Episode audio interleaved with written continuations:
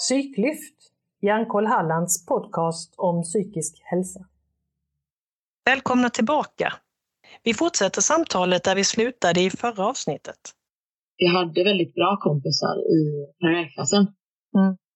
Ehm, men då sa ju lärarna nej. För att det var föräldrar till ett barn där hade sagt att eh, jag får inte göra det. För att vi, jag var ju bästa kompis med den här tjejen när vi, var, när vi gick i mellanstadiet. Och jag hade mått väldigt dåligt och så hade jag varit i en depression. Och så hade hon frågat hur jag mådde. Och så hade jag berättat för henne om mina självmordstankar. Och så hade hon, eh, hon hade berättat det här för hennes föräldrar. Eh, och hennes föräldrar blev jättearga på, på mig och min mamma tror jag att jag berättar det här för henne. Liksom, hur kan jag säga det till hennes barn? Så de ringde till skolan eh, och till skolpsykologen. Så skolpsykologen ringde upp min mamma och sa att eh, ja, Julia, måste, Julia måste säga förlåt. Ni måste säga förlåt till den här familjen. Eh, för det här jag berättade då. Eh, så då fick ju jag, jag fick inte byta till hennes klass då, för det var i hennes klass eh, när vi gick på högstadiet, så jag fick inte byta dit. Eh, på grund av det här som hade hänt då. Mm. Och det var också så här, skolpsykologen, det var liksom, hon frågade heller aldrig hur jag mådde eller så här. Mm. Det där är ju väldigt oroväckande att höra från någon så ung. Men eh, det var inte det som var det stora problemet, utan det stora problemet det var att den här tjejens föräldrar var så arga. Och att de hade fått höra det här. Um, så då, och då när jag inte fick byta till den här klassen, Eh, och det var ju i, i åttan jag ville byta. Vi frågade om att byta. Eh, då, och jag, jag fick inte det, så då var det ju så här, då fanns det verkligen, då fanns det inget hopp för mig att vara i skolan längre. Eh, så jag gick ju halva åttan och hela nian på distans. Mm. Jag var inte där en enda dag. Mm. Ja. Och detta är ju inte så länge sedan. Det låter ju helt eh, väldigt stenålder det du berättar, att, att, att, föräldrarna blir så arga och ringer till skolpsykologen för att deras dotter blir rädd när du berättar hur du verkligen mådde. Eh, men det är ju inte så länge sedan, alltså det är ju fem år sedan då om jag förstår rätt. Om du gick i åttan. Ja, jag vet inte hur gammal man är då. Ja, man är nog 14 kanske. Ja, det är nog, det är nog utom 14 Sex år sedan nu. Mm. Jag fyller 20. Mm. Ja. Hur mycket skulle du säga att du har missat av skolan under den här perioden när du mådde så dåligt? Oj. Alltså jag missade ju, eller jag, alltså jag missade ju hela terminer. Alltså jag missade ju som helst för jag kunde inte göra någonting. Men vi hade ändå, alltså eftersom just att vi hade ju vi hade ju haft det här sedan flera år tillbaka. Så hade vi haft problem som mina, jag hade ju jag har haft väldigt, väldigt involverade föräldrar. Mm. De har ändå alltid varit väldigt snabba på bollen att försöka lösa minsta lilla så att det ska fungera för mig. Så de har ändå varit så här, och mamma har läst på väldigt, väldigt mycket. Och därför så här, okej, okay, men vad, vad kan man göra? Vad finns det för sätt att få någonting, något skolarbete gjort? Mm. Uh, men jag, jag gjorde ju, det, det var speciellt åtta, jag tror inte, jag kommer nästan inte ihåg att jag gjorde något riktigt som uh, jag kunde få betyg för. Mm. Utan det blev ju, det var kanske lite svårare. Jag hade ju i, i NO, jag älskade ju NO, NO-ämnena. Det var ju de jag, jag klarade av. Men det var också för mina föräldrar, de visste ju det här också att i grundskolan så är det ju, du prövar ju om dina betyg hela tiden. Så att de stora betygen, du kan ju i princip göra hela högstadiet på ett år. Mm. Eh, sen så kanske du inte får absolut högsta betyg för att du inte har kunnat göra om dem flera gånger och tränat på det. Men du får ju ändå betyg. Så jag tror den stressen var inte heller så stor för oss. Utan för oss var det ju mest då jag ska ha en fungerande vardag.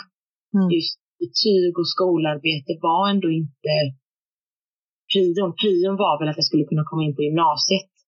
Mm. Och i fram till åttan så var inte det ett nu-problem, det var ett sen-problem. Mm. Och eh, för det var ju ändå, vi försökte ju ändå det stora med skolan, det var inte att jag skulle göra skoluppgifter, utan det var att jag skulle kunna vistas i en skolmiljö. Mm. Um, och när vi till slut gav upp på det då, i åttan där och nian, det var ju då jag kunde fokusera på skolarbetet. Mm.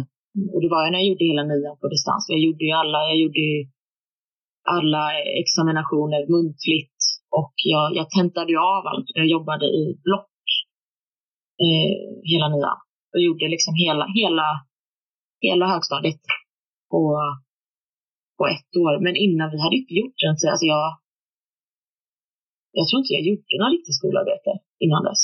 Nej. Det var bara, jag skulle vistas där några timmar varje dag. Det var ändamålet. Vad tänkte du själv om det? Hade, hade du, du, jag förstår ju att du kände att jag kan inte vara där. Men, men vad, alltså, hade du själv någon tanke eller idé om att om jag får det så här så, så tror jag det känns bättre? Fanns det något Gud, sånt? ja. Ja. Jag skulle ändå säga att jag hade ju hela tiden, tror jag, alla svaren. Mm. Eh, ända från att jag var väldigt liten. Eh, och jag visste vad det var jag behövde. Jag visste vad det var jag ville ha. Men det var aldrig någon som frågade mig. Vad var det du behövde och ville ha? Alltså för mig, jag behövde ju extremt tydlig struktur.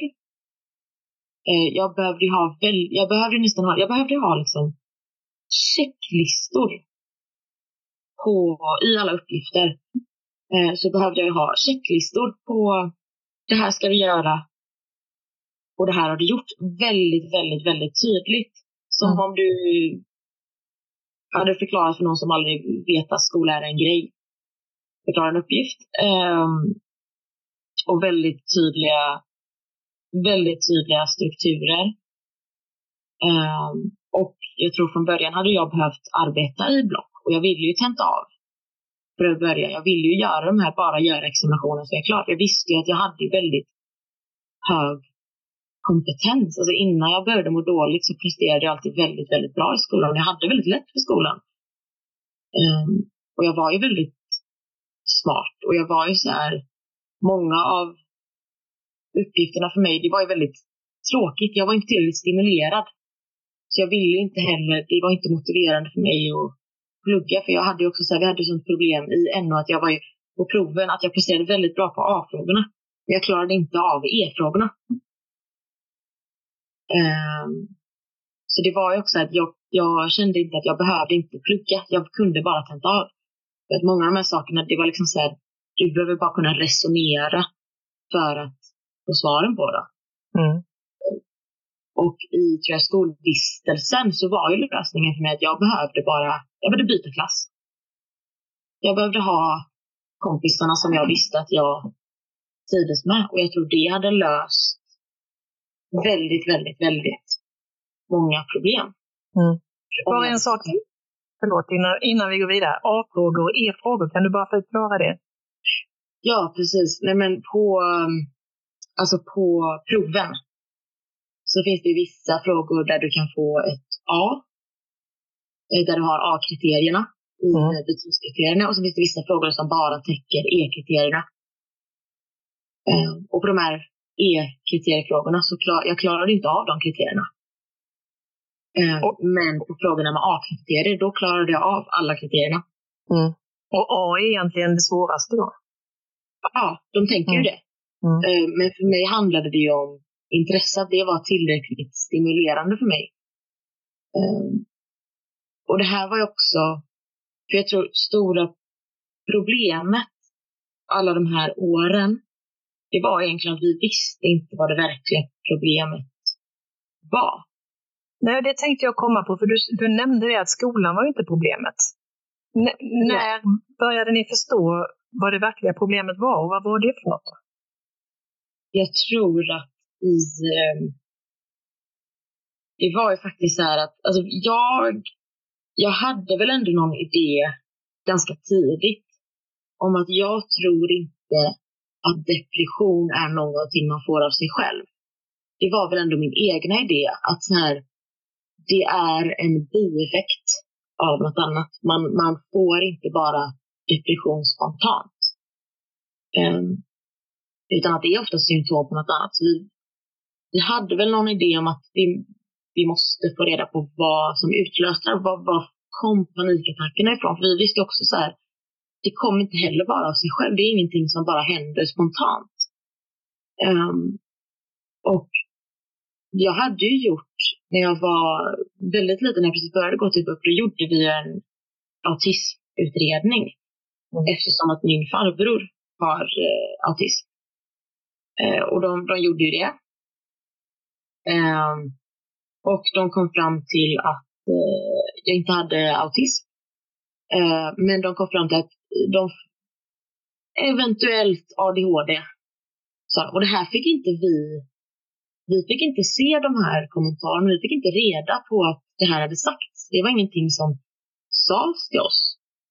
Så det var inte förrän vi på egen hand började gräva i det. Det var egentligen att jag, jag, hade, jag hade hängt inne med en kompis som hade ADHD och som satt och skakade med benen hela tiden. Mm. Och jag vet att mina kompisar, de, de klagade alltid på att jag gjorde det hela tiden. Jag satt och så här, eh, stimmade med mina ben. Mm. Um, och han bara, jag gör det för att jag har ADHD. Och då var jag så här, oj då. Jaha.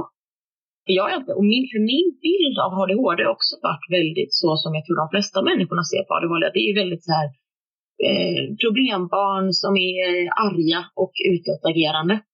Det var min bild av ADHD. Mm. Så det för mig fanns inte på kart. Det var inte ens en idé i mitt huvud att det hade kunnat vara en grej.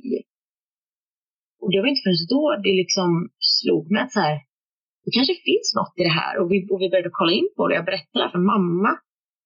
Och hon var också så här, ja men det är ju ganska rimligt. Och började känna igen att vi började läsa på mer och mer att saker stämde överens väldigt, väldigt mycket. Och, och vi, jag gjorde aldrig faktiskt en riktig ADHD-utredning utan det var att jag blev skickad till Halmstad för en Eh, eh de var specialiserade på KBT av eh, svåra fobier. Och jag skulle gå på någon sån konsultation för den läkaren behövde ta reda på att är jag tillräckligt stabil för att ens kunna ta mig igenom en sån här behandling eftersom det är väldigt tufft.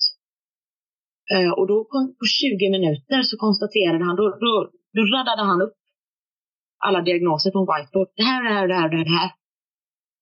Och så var jag ADHD en av dem och det var ju för honom var ju det självklart. Och de hade också tidigare gett mig en GAD-diagnos, en generaliserad ångest syndrom eller vad det heter. Och, och, mm. och det sa ju han också när vi kom dit, så sa han att han tyckte, det, han tyckte den diagnosen var bullshit. Han sa, han sa att den, den, ställer, eh, den ställer psykologerna om de inte vet vad problemet är. Uh, och jag tror så, så var det lite för mig att de gjorde så. Eh, men då när vi fick den här ADHD-diagnosen så blev ju allting väldigt, väldigt tydligt. Och det var ju liksom en hel, en hel värld öppnades ju för mig att allting blev så logiskt och jag kunde liksom förlåta mig själv för mina beteenden och förlåta mig själv för hur jag var, hur jag kände och då blev det så tydligt för mig att det var inte mitt fel och det var ingenting jag kunde kontrollera och eh, jag tror för mig så var ADHD en, en väldigt stor del i att, att det blev som det blev. Men, men, och jag tror att hade jag fått veta det här när jag var nio, då hade jag haft en helt annan skolgång än vad jag hade nu. Och jag, jag tror, då hade jag nog klarat av det jag hade gjort. Jag hade nog gått en normal skolgång. Eh, men vi fick inte veta det och mycket av det var väl också för att de, jag tror de själva som jobbade med det, deras bild av ADHD stämde ju överens med den här generaliserade bilden från samhället.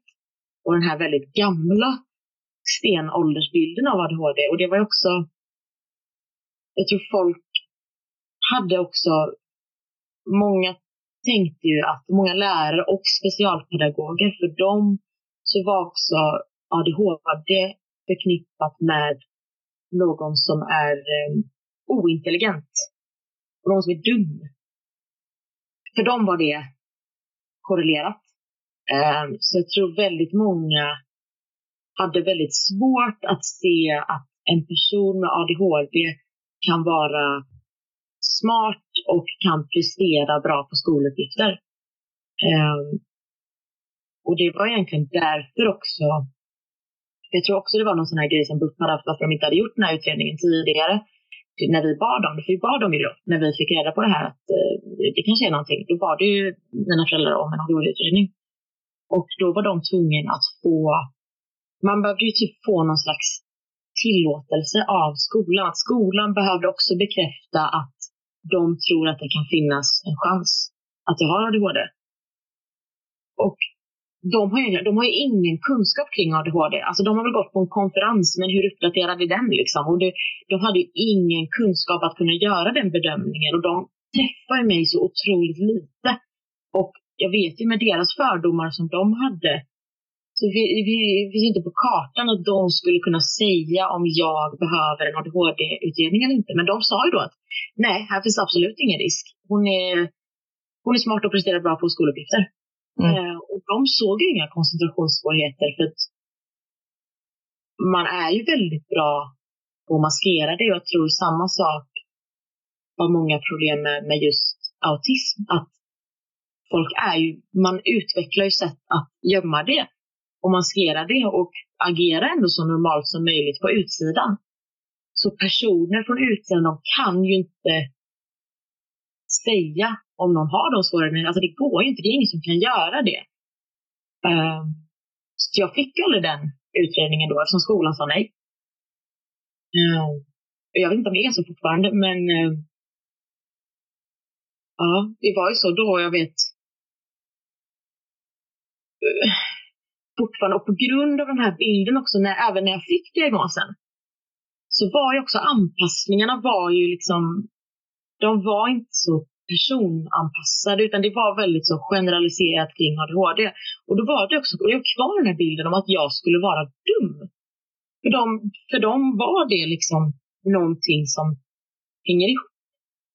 Vad var det för typ av stöd du fick då, när du fick diagnosen? Vad fick du för stöd då?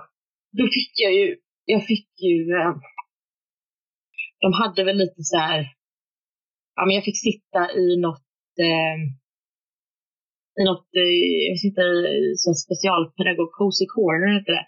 Jag fick sitta med en specialpedagog där och så fick de göra speciella uppgifter och jag fick ju lite så här att jag, jag, fick också jag fick längre provtid. Det har varit en sån här sak som man har på. Och det var längre provtid hela tiden och det får jag fortfarande om jag vill. Men det är också så här, alltså. Jag vet inte, för mig också så här, alltså har man ADHD då det går, alltså det gör, då, om någonting så ska man ha kortare provtid. För att man kan inte sitta så länge. Det går liksom inte. Det, det finns alltså även om, om jag inte är klar med ett prov, då kom, jag kommer gå efter 30 minuter. Jag kommer inte ha någon koncentration. Jag, då är jag klar. Um, så det var också en sån här sak som de tänkte att det är klart, vi sätter längre, längre provtid. Um, men det var också så här, det, det är helt felaktigt för ADHD. Mm. Var det någon som lyssnade på dig då?